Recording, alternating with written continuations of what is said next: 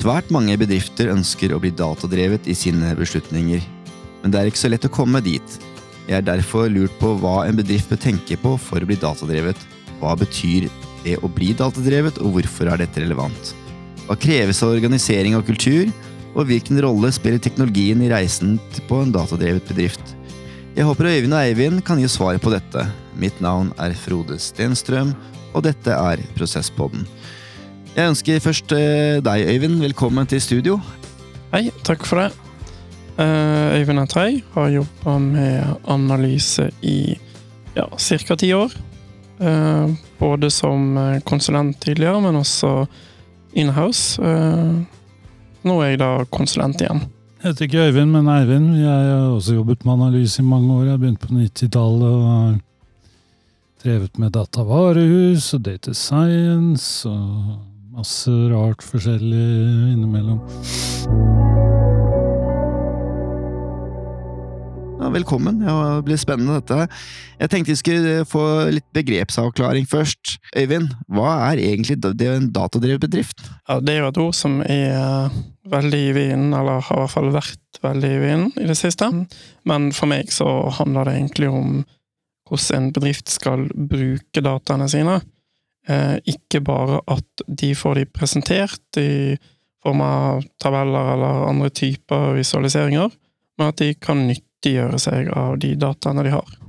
Eh, hva betyr datadrevet for deg, Eivind? Hmm, det kommer litt an på situasjonen, vil jeg si. Egentlig så jeg er ikke noe veldig glad i det ordet, egentlig, for det liksom indikerer at, at dataene skal drive sjappa for deg, liksom at du skal ta alle valgene, det er jo ikke tilfellet. Men for de fleste så betyr det, vi skal tolke det i god hensikt, så betyr det at du tar informerte valg på bakgrunn av funn i dataene, blant annet funn i dataene. Så det er det det betyr å være datadrevet for meg. Eh, hvis vi fortsetter dette med begrepsavklaring, eh, og vi snakket om datadrevet bedrifter, hvorfor er det relevant i dag? Det begrepet er veldig relevant, fordi at bedrifter i dag har veldig mye data som de ikke nyttiggjør seg av. Eh, når du får samlet inn og strukturert dataene dine, så får du også eh, selvfølgelig mye bedre oversikt over de. Eh, du får innsikt også, og du kan dele den informasjonen med de andre ansatte. Og på den måten forsøke å skape verdi ut av dem. Men hvilket syn har du på uh, viktigheten av uh, data for bedriften, uh, Eivind? Nei, jeg tenker det der har forandra seg litt, egentlig med at bedriftene blir mer og mer digitaliserte. Det betyr jo egentlig at systemene legger igjen mer og mer data. Så potensialet for å ta i bruk de dataene blir bare større og større. Det som kanskje er nytt de siste årene, er jo egentlig det at uh, sånn tradisjonell BE har fokusert veldig mye på, på, resultatet av prosessen i en bedrift. Mens uh, nå, med moderne systemer, så kan du også få registrert mye av innsatsfaktorene. Uh, dermed så åpner det seg nye analysemetoder det tenker jeg er si, noe som øker betydningen. Da. I hvert fall å se på dataene, betrakte det og ta dem med på en måte i de beslutningene som du gjør. Så kan du også si det at øh, hvis du jobber i en veldig hva skal vi si, kundeorientert øh, B2C-bedrift, så har du også muligheten til å la dataene ta faktisk beslutninger, sånn som for eksempel i marketing, hvor uh, istedenfor subjektive meninger kan, kan bygges opp uh, sannsynlighetsmodeller som, som uh, er bakgrunnen for kundereiser. Men syns dere at alle bedrifter burde satset på å bli mer datadrevet? Altså, hvis vi, uh, hvis vi bare fortsetter litt på det Eivind snakker om, da, så, så, trenger jo bedrifter også litt hjelp med å Altså, hvilke data er det de kan Hvilken data er det de har? Altså hvilke data er det de kan nyttiggjøre seg av også? Og det er jo et viktig poeng å få med, synes jeg. Jeg tenker hvis du driver eh, en virksomhet i konkurranseutsatt del av næringslivet, så er Hvis du stopper opp i å på en måte perfeksjonere det du holder på med, så taper du konkurransen. Sånn at hvis du føler at du er konkurranseutsatt og du ikke bruker dataen din, da har du på en måte et område hvor du kan forbedre deg på.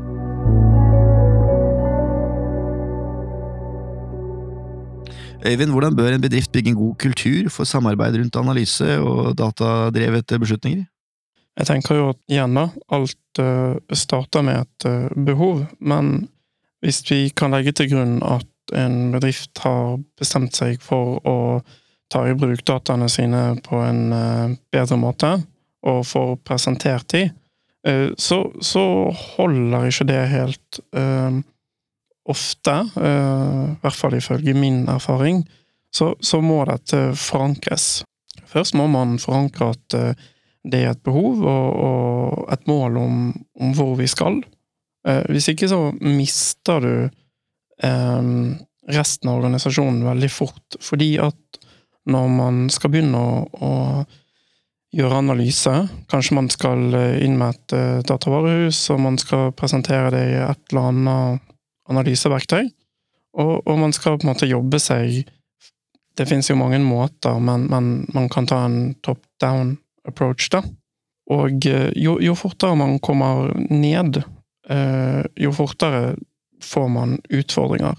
Man får utfordringer i forhold til eierskap av ting. Man får utfordringer hvordan den nye måten, hvis det i det hele tatt er noen ny måte, hvordan ting skal gjøres da. Da må man ha ledelsen eh, i ryggen, da, når man skal gjøre sånne ting. Man får veldig fort veldig mange spørsmål Eh, når man, skal, når man faktisk skal sette seg ned med tegnebord og, og gjøre ting. Eh, hvis et analyse- eller BI-prosjekt kun er forankra hos IT, så går det stort sett aldri spesielt bra. Og hvis analyse er utført av personer uten noe IT-kunnskap i det hele tatt, så går det stort sett heller aldri bra. Så det er på en måte eh, sånn Hva skal vi si virksomhet da, som krever tre typer kompetanse. Det ene er jo metodekompetanse og, og tallforståelse. Eh, og det andre er IT-forståelse. Og det tredje, som er det viktigste, er jo egentlig forståelse av forretningen. Ja, det er jo veldig viktig det du sier der, da, med at uh, vi må for all del unngå at en, uh, et BI-system blir IT-styrt. Ja, det er forferdelig. Ja, uh, ikke sant. Jeg som konsulent akkurat nå, vet jo ikke hva Eller hvordan hverdagen til en salgssjef eller en kategorisjef er. Jeg vet ikke nødvendigvis hans behov dag til dag. Det må han eller hun fortelle meg, da. Så kan jeg spare litt med de for å finne ut hvordan vi skal komme fram til det målet sammen, da. Og, og, og der, der, kommer på en måte inn det der at Eh, skal dette implementeres på en suksessfull måte, så må vi på en måte ha talerør ute i organisasjonen. Da. Spesielt hvis det er litt størrelse på Altså hvis det jobber eh, 20-50 eller 100 stykker på salgsavdelingen, og det samme på fire andre avdelinger der, så er det klart at eh, man, man, kan ikke ta imot alle de beskjedene på egen hånd. Man må ha en, en nøkkelperson, en nøkkelbruker, um, for å kunne klare å kommunisere, og, og, at alle skal dra i samme retning, da. Jeg, jeg har jo vært i den situasjonen at jeg har vært ansvarlig for utviklingen av, av datavarehus og BI i en større bedrift. Det du, det du, merker, er at det kommer en krav fra hele organisasjonen. Mm. Som er av veldig forskjellig karakter, og som for et IT-menneske er veldig vanskelig å prioritere riktig. Sånn at det å få på plass på en måte et styrende organ, eller eh, altså få konsensus for hvilken vei utviklingen skal gå, hvordan du skal prioritere det, det er supersentralt. Det betyr også at du, du binder de folka som sitter i det organet, til masta. Du slipper alle disse omkampene om prioriteringer og, og, ressurser som du ellers ofte får. Men blir ikke da fort liksom at varehusteamet eller analyseteamet en form for eh, sånn plugg i systemet. Altså, hvis du skal på en måte serve så stor bredde av organisasjonen, så er det veldig mange man egentlig skal tilfredsstille. Det er, det er der eh, moderne verktøy kommer inn. Fordi det var sånn. Akkurat. Datavarehusgruppa var alltid en propp. Mm. Mens nå med selvbetjeningssystemer så har du muligheten til å lage mye mer fleksible løsninger som treffer mange flere, og som er mye enklere å sette opp, hvor på en måte brukeren gjør mye av den jobben som Tata Varehus-teamet gjorde før. Ja, for jeg har jo selv vært på bestillersiden av, av, av, dere to. Altså, jeg ønsker å få en rapport på noen ting. For jeg må sette meg ned, beskrive hva de ønsker å oppnå. Dere må lage det i visningsform av en eller annen form. Og så skjønner jeg at det var ikke det jeg ville ha. Og så, og så, og så går den runddansen. Mens hvis jeg kunne bare satt meg ned med selvbetjeningsløsningen og stilt spørsmålet og fått svar, ja. nesten sånn samtaleaktig, så hadde jeg sannsynligvis fått det grunnlaget mye fortere, da. Da jeg var ansvarlig for datavarehus i en uh, av Norges største bedrifter, så uh, var det litt sånn Skal dette være en selvbetjeningsløsning, der brukerne får lov til å lage det innholdet de vil, basert på de dataene vi gjør tilgjengelig? Eller skal det være sånn at dette går, går gjennom meg, da, og IT? Hva gjorde dere? Nei, eh, det var veldig mye diskusjoner rundt det. Vi landet på at dette må eh, på en måte eh, kapsles litt inn, uten at vi tar friheten fra brukerne våre. Fordi at det var jo sånn at de hadde, de hadde fått lov til å holde på som de ville, da, fram til jeg starta der. Og resultatet var jo utrolig mye dårlig innhold. Veldig mye duplikater. Altså, det fantes eh, 30 rapporter av den samme typen. Men, men, du visste jo ikke det. Og jeg visste ikke det, fordi vi hadde de litt hver for oss, da. Så, så hvordan ordner vi dette? Eh, det var å kapsle det litt inn, eh, men jeg innså jo fort at dette klarer ikke jeg på egen hånd. Jeg må måtte litt inn mot det, det talerøret som jeg snakka i sted. da. og da var det på en måte å finne sterke personligheter på, på salg, sterke personligheter på logistikk, på kategori og innkjøp, osv. For at de skulle kunne hjelpe meg med å prioritere, men også snakke ut til organisasjonen at nå, nå er det noe på vei. Eh, dette får dere, dette får dere ikke nå, og så. Og etter hvert som vi innarbeidet den gruppen, og den ble på en måte en del av hverdagen, det tok jo kanskje ja, et halvt år, så eh, kom vi på en måte litt, litt, der vi ville, da. At alle faktisk dro i samme retning, at vi ikke fikk eh, så mye mas, og at organisasjonen var fornøyd med, med det vi leverte, da. Det er klart det er en balansegang der. Eh, blant annet så krever jo Altså, du skal slippe rådata løs på sluttbruker, så kreves en, en mye mer grundig tilrettelegging. Det krever på en måte en tilrettelegging som egner seg for hvem som helst av de dataene. Eh, men det andre jeg vil si, er jo at dette her er, jo, er veldig avhengig av virksomheten og bransjen, egentlig. Noen bransjer er av natur mye mer analytiske enn andre. Og det krever mye mer adhoc-analyser eh, enn andre bransjer hvor, hvor, ting er mer stabilt. Sånn at det fins på en måte et spekter av svar som er, som er, riktig. Men eh, det gjelder å organisere seg lurt da, uansett. Ja, og det er jo litt av utfordringen, eh, i hvert fall med dette, og sikkert mange andre systemer eller løsninger også. Det er litt sånn du møter eh, brukere som er god teknisk, og noen som ikke er like god, og noen som er i midten. Men du møter også brukere som har interesse for det man viser, mens noen kanskje ikke ser så stor verdi i det. Ikke sant? Hvordan skal vi på en måte hjelpe organisasjonen til å bli mer datadreven, som vi snakket innledende om? Det er jo nettopp det der å selge ting inn på en god måte, men da, da må man ha forankringen, da. At folk ser, og at de ikke minst vet at dette skal de faktisk få lov til å bli bedre i, eller få lov til å bli gode på. Men det ligger vel en erkjennelse i det dere sier, at dette er jo ikke et prosjekt hvor man bygger noen ting, og så er man ferdig, men dette er mer en del av linjevirksomheten. At man eh, jobber med det kontinuerlig, og ved å se at ledelsen bruker data til eh, kommunikasjon, så vil man på det settet bygge kultur og forståelse på at ok, det er altså poenget å bruke fagsystemet som henter data fra, For det er det veldig mange bedrifter gjør. Jeg, kaller det management by mail eller management by Excel, hvor man eh, enten styrer oppgavene på mail til hverandre, eller man rett og slett lager kompliserte Excel-ark som, som det ikke er noe innsyn i. da.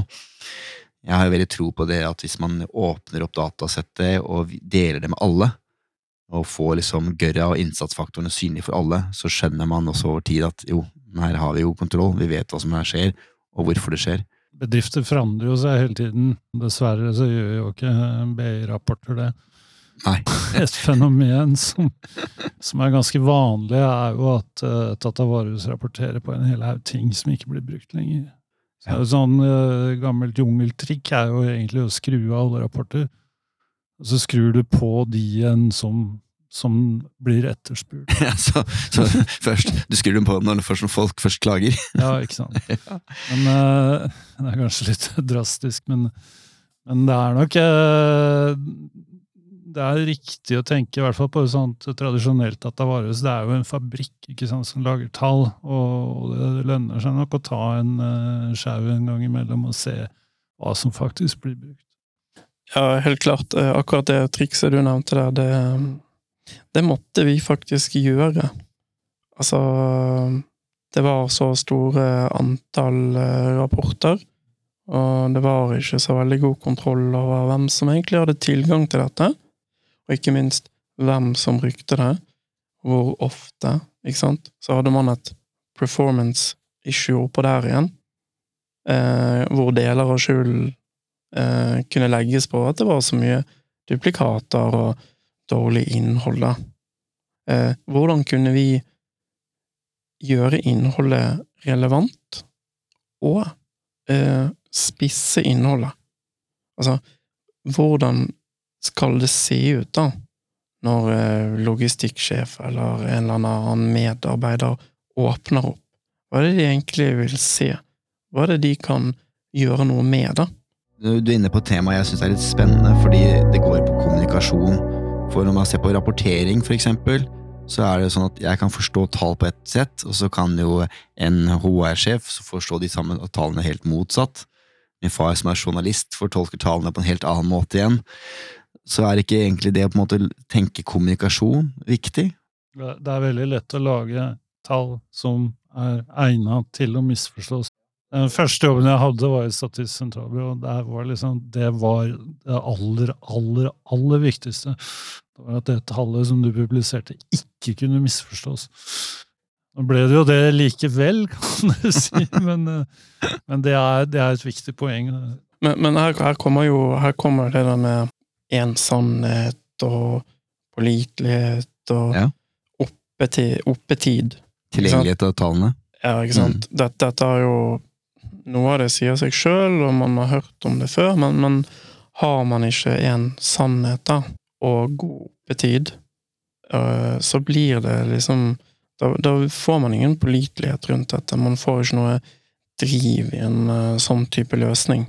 Men jeg lurer litt på hvordan kan vi sikre og bruke teknologi til å sikre på at vi kan stole på det vi faktisk ser? Du kan si at du, du har ikke så veldig mange forsøk på deg. altså Dårlig datakvalitet eller feil tall, rett og slett. Det ødelegger troverdigheten, og, og da nytter det ikke å komme med riktige tall seinere.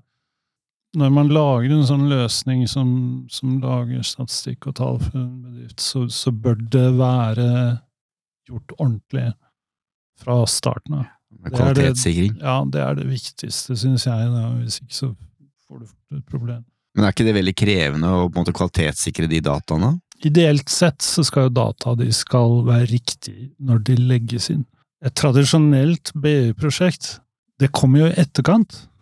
Etter at du har eh, investert store penger i operasjonelle systemer. Operasjonelle systemer er gjort for å få orden på prosesser, ikke nødvendigvis for å legge igjen eh, data av god kvalitet. Sånn at mye av arbeidet i et BI-prosjekt er å finne og rette opp i de feilene og manglene som dataene fra operasjonelle systemer har.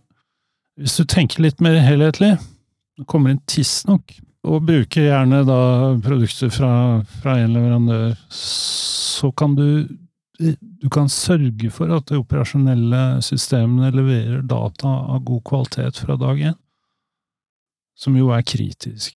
Det, det tenker jeg er eh, sånn som markedet har utvikla seg med, med, de tre store cloud-leverandørene, så er det en, en ny mulighet. Eh, mange ganger så har jo bedrifter masse legacy.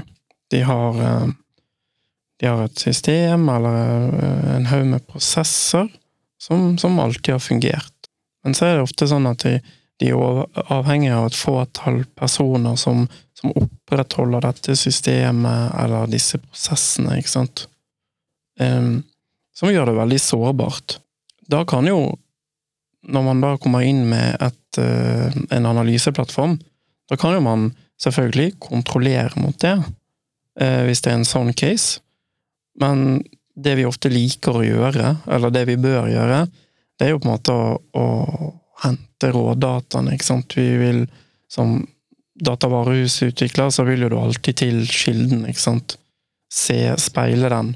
Se at du har det samme. Det er på en måte steg igjen. Før du da eh, kverner disse dataene og gjør prosessen videre og presenterer de til slutt. Jeg har til gode å komme til en bedrift hvor ikke de har en eller annen utfordring med datakvalitet i et eller annet operasjonelt system. og så sitter det allikevel noen på toppen som vil ha noen tall. Mm. Klarer dere å, å måte, finne fram gullet og fjerne støyet, eller må bedriften rydde i de operasjonelle systemene for å i det hele tatt få noe nytte av og glede av eh, på å si, en investering i datavarehus og rapportering? Det er, det er et veldig godt spørsmål. Jeg vil jo si det at det beste er å fikse dataene der hvor de kommer inn. Altså at du, du designer et godt operasjonelt system. Også med det for tanke, ikke sant, at dataene skal brukes til analyse. Altså at De har vært i drift i ti år, da, og så begynner de rapportering nå. Så ligger jo ti år med produksjonsdata. Tenk analyse fra dag én. Så da slipper du det problemet. Eh, men hvis du nå har det problemet at, at du har masse blant annet eh, delvis historikk, f.eks. i operasjonelle systemer, så, så, kan jo en god analyseplattform og gode folk der gjøre utrolige ting med de dataene. Et uh, gammelt og velbrukt begrep er jo uh, shit in, shit out, og det har jeg også opplevd mange ganger. Og, og da er svaret mitt ja, i, i et datavarehus eller en analyseløsning så kan vi alltid manipulere dataene Enten å ta de bort, eh, eller endre på de, legge til noe logikk osv., men, men vi vil jo ikke gjøre det. Litt av poenget for meg med eh, når du gjør hele reisen og kommer opp dit at du skal visualisere noe i, i f.eks. Power BI, det er at du kan bruke dette, og det glemmer jo folk. Du kan jo bruke dette til å synliggjøre feil, til å finne ut hvor feil det er. Som et verktøy da, for, også for å på en måte rydde i operasjonelle systemer? Ja, vel så mye et verktøy som å finne feil, eller til å finne feil, som å skape altså, annen type innsikt, da. Det er jo også innsikt, mm. når, man, når, man, klarer å finne feiler, ikke minst hvor de, hvor de kommer fra. Kanskje til og med forklare de, da. Sånn at man da kan gå tilbake med en plan til, til kilden, eller hvor det skal være, og så forsøke å rette opp. Det der er veldig, veldig viktig. for det er mye vanligere at folk tror at de har god data, og så er dataene ikke av tilstrekkelig kvalitet for å ta de slutningene som de gjør, enn en omvendt, liksom. At folk tror de har dårlig data, så er dataene gode nok. Det, det er ganske sjelden. Sånn at det er veldig vesentlig at de som skal ta avgjørelser basert på informasjon fra data, kjenner datakvaliteten. Det er uhyre viktig. Og, og, og ha eierskap til den. Eierskap til tallene, ja. Ja, ja. Mm. Um, og det er jo også, bare for å ta det, da, en situasjon man ganske fort kommer opp i uh, mange steder. Det er jo at uh, man, man, skal supplere dataene fra kilden. Fra, fra en, med, med, noen andre kilder, eller noe helt eksternt. da. Det, la oss si en gruppering av noe slag som, er, som, det er behov for. Det skal noen bruke, men den, den finnes ikke i kilden. Ok, da må, noen, da må noen eie den grupperingen, da. Noen må ta ansvar for den. Noen må oppdatere den, fordi det vi gjør, er jo å lese den inn, og på andre siden så, så sitter folk og tenker at dette er riktig. Eh, det er jo det som regel, men, men hva hvis den personen slutter eller glemmer eller ikke gjør jobben sin? ikke sant? Derfor er det så viktig med, med den eierskapet, eh, eierskapet til dataene, men også at det eierskapet er forankret. Eh, at brukerne også føler et ansvar. Da er du, da er du litt på det rundt kultur igjen, da. Jeg plukker opp det dere sier med at man må tenke analyse som grunnmur inn i de operasjonelle systemene, for dataen skal brukes til noen ting, det skal ikke bare punches og logges.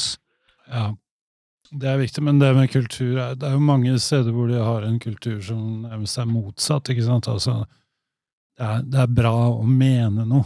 Å gå ut og mene masse ting. Ting som du egentlig ikke har belegg for å mene noe om. Jeg tror vi har et politisk Eh, system som er basert på det. Der. ja, det er liksom Cowboyvirksomheter, da, kan du kanskje kalle det. Men eh, det er nok mer vanlig enn uh, cowboyvirksomhet, egentlig. Men eh, det, vi kommer jo ikke helt unna eh, tematikken kunstig intelligens eh, og Microsofts co-pilot-spørsmålene. Jeg eh, hører jo hva reklamen sier. Du skal kunne stille chatboten spørsmål om noen ting, og så skal den kunne slå opp i de underliggende systemene og gi deg et svar. Men har dere vurdert det, om det er på en måte en, en vei fremover for sånn som dere ser det nå, eller blir det mest et leketøy nå i dag? Det er jo det store spørsmålet. Jeg tror svaret egentlig ligger et sted midt imellom. Jeg er ganske sikker på at det kommer til å bli et nyttig verktøy, men kanskje ikke så viktig som, som hypen sier. på de som hyper det mest, de som virkelig hyper det ordentlig, de sier at ok, hvis jeg spør hva var ukens omsetningstall, så får jeg tall. Og så skal jeg kunne komme med et oppfølgingsspørsmål. Hvorfor er det slik? Og da skal jo teorien eh, verktøyene klare å gå og analysere bakgrunnstallene og gi meg et ordentlig svar på hvorfor falt omsetningen med 10% fra en uke til den neste. Og det er jo der jeg lurer på hvor mye er det faktisk en reell ting. Jeg tror nok aldri du får en modell til å si den underliggende årsaken. Den kan sikkert bryte ned tallene for deg, sånn at du vet hvilke produkter som selger mindre. Altså, Vi snakkes om noen år eh, om dette. Um, det er veldig imponerende det som allerede finnes, og jeg, jeg vet ikke om alt som finnes heller, men det jeg har prøvd å teste Veldig fint og bra, altså, men um, det er et sånt Kanskje blitt et sånt buzzword, sånn som big data og sånne ting for noen år siden.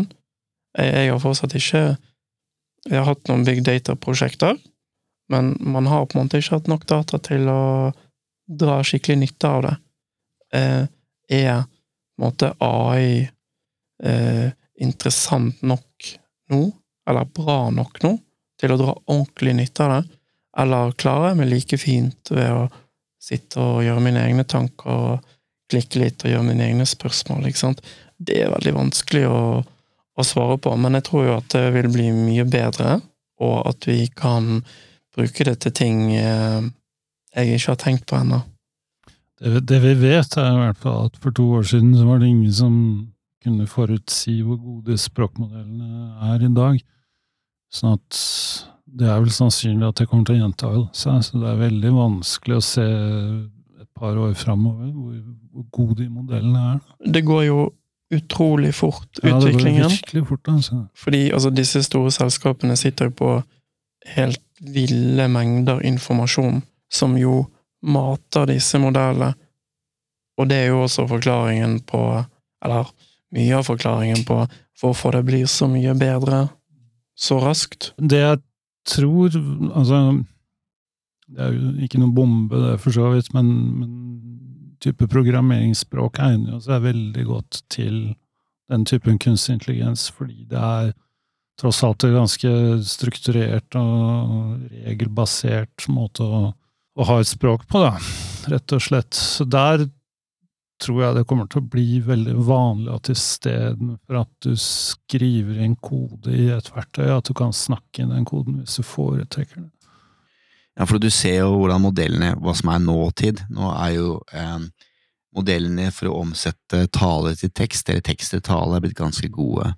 Sånn at eh, Copilot kan du snakke til nå på norsk, og den vil oversette og tekste spørsmålet med veldig stor kvalitet.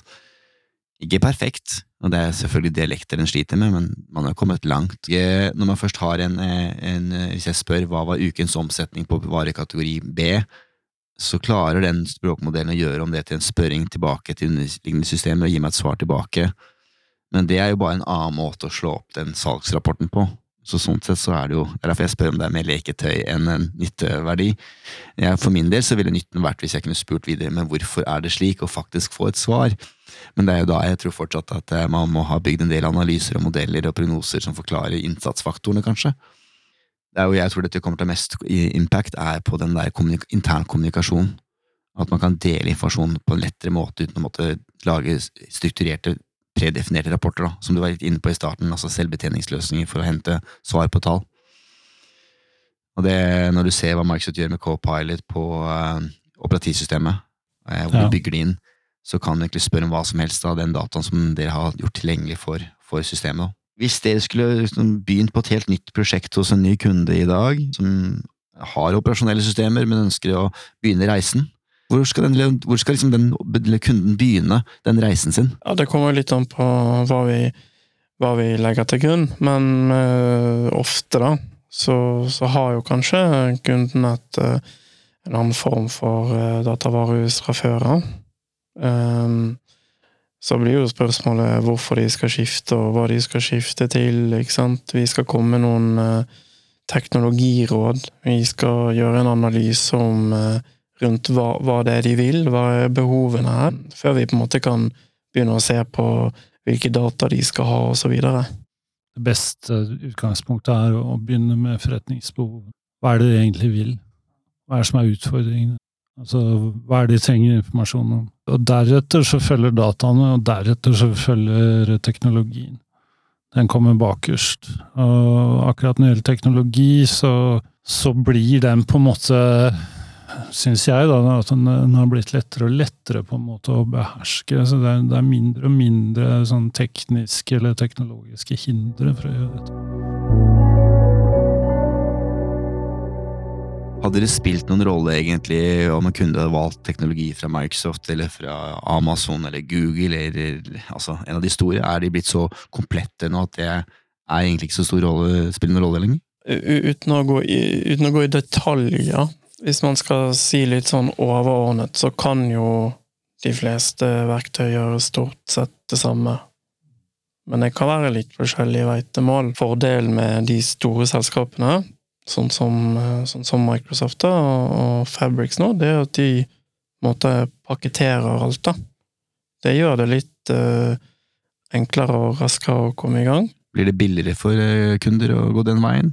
Godt spørsmål, egentlig. Um, for det er mange av de kundene som vi snakker med til hver dag, det er bedrifter på kanskje 10-20-30 ansatte.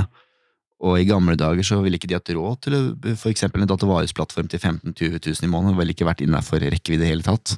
Jeg tenker det, det, Microsoft har gjort med Fabric, for jeg, jeg mener akkurat nå så har de et konkurransefortrinn i markedet. De har et forsprang. Eh, og det skyldes to ting, egentlig. Det ene er det at Fabric er et, veldig, er et skikkelig bredt utvalg av verktøy og, og tjenester som de har bøndla sammen. Priser, og de priser er egentlig ganske aggressivt. Sånn at inngangsbilletten til Fabric er eh, den er akseptabel for nesten alle bedrifter.